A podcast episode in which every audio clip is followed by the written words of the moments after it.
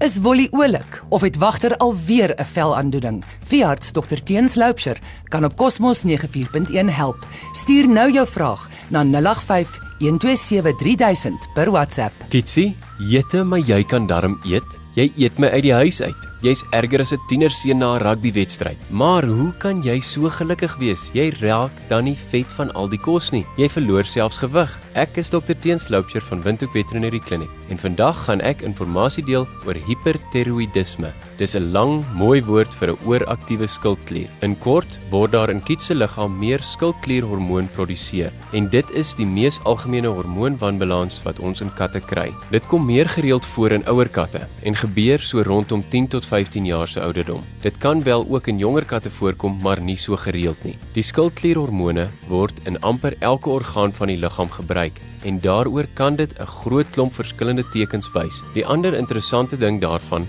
is dat die tekens lank vat om te ontwikkel en stadig begin. Daaroor dink baie eienaars dat die katte net nou vinnig oud word. En daaroor is dit so hartseer, want as ons dit kan diagnoseer met 'n bloedtoets, kan ons medikasie en aanvullings gee en help om vir kids nog 'n lang lewe te gee.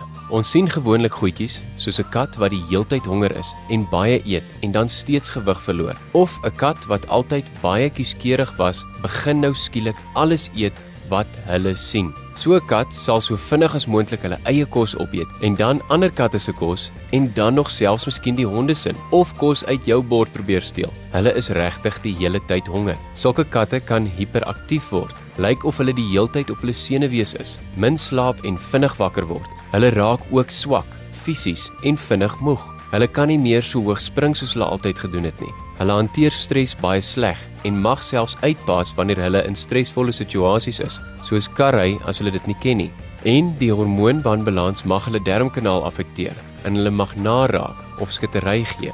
Ons toets vir die siekte deur al die ander moontlikhede uit te skakel wat al hierdie tekens veroorsaak en dan die hormoontelling vas te stel met 'n bloedtoets. As ons hierdie siekte van die begin af verdink, sal ons van die begin af die hormoontoets doen. As ons ooraktiewe skildklier gediagnoseer en vasgestel het, sal ons begin behandel daarvoor. Ons het medikasie wat help dat die skildklier bietjie rustiger raak, maar dit is nie altyd dadelik en vinnig om die regte dosis te kry nie. Dit mag so 1 of 2 proeftydperke neem om alles reg te kry. Nadat ons hulle begin behandel het, doen hulle nogal goed. Hulle mag dalk selfs terugkeer na hulle ou self. Ons kan die skildklier uitsny, maar dit mag gebeur dat die siekte weer terugkom oor 'n paar maande of jare.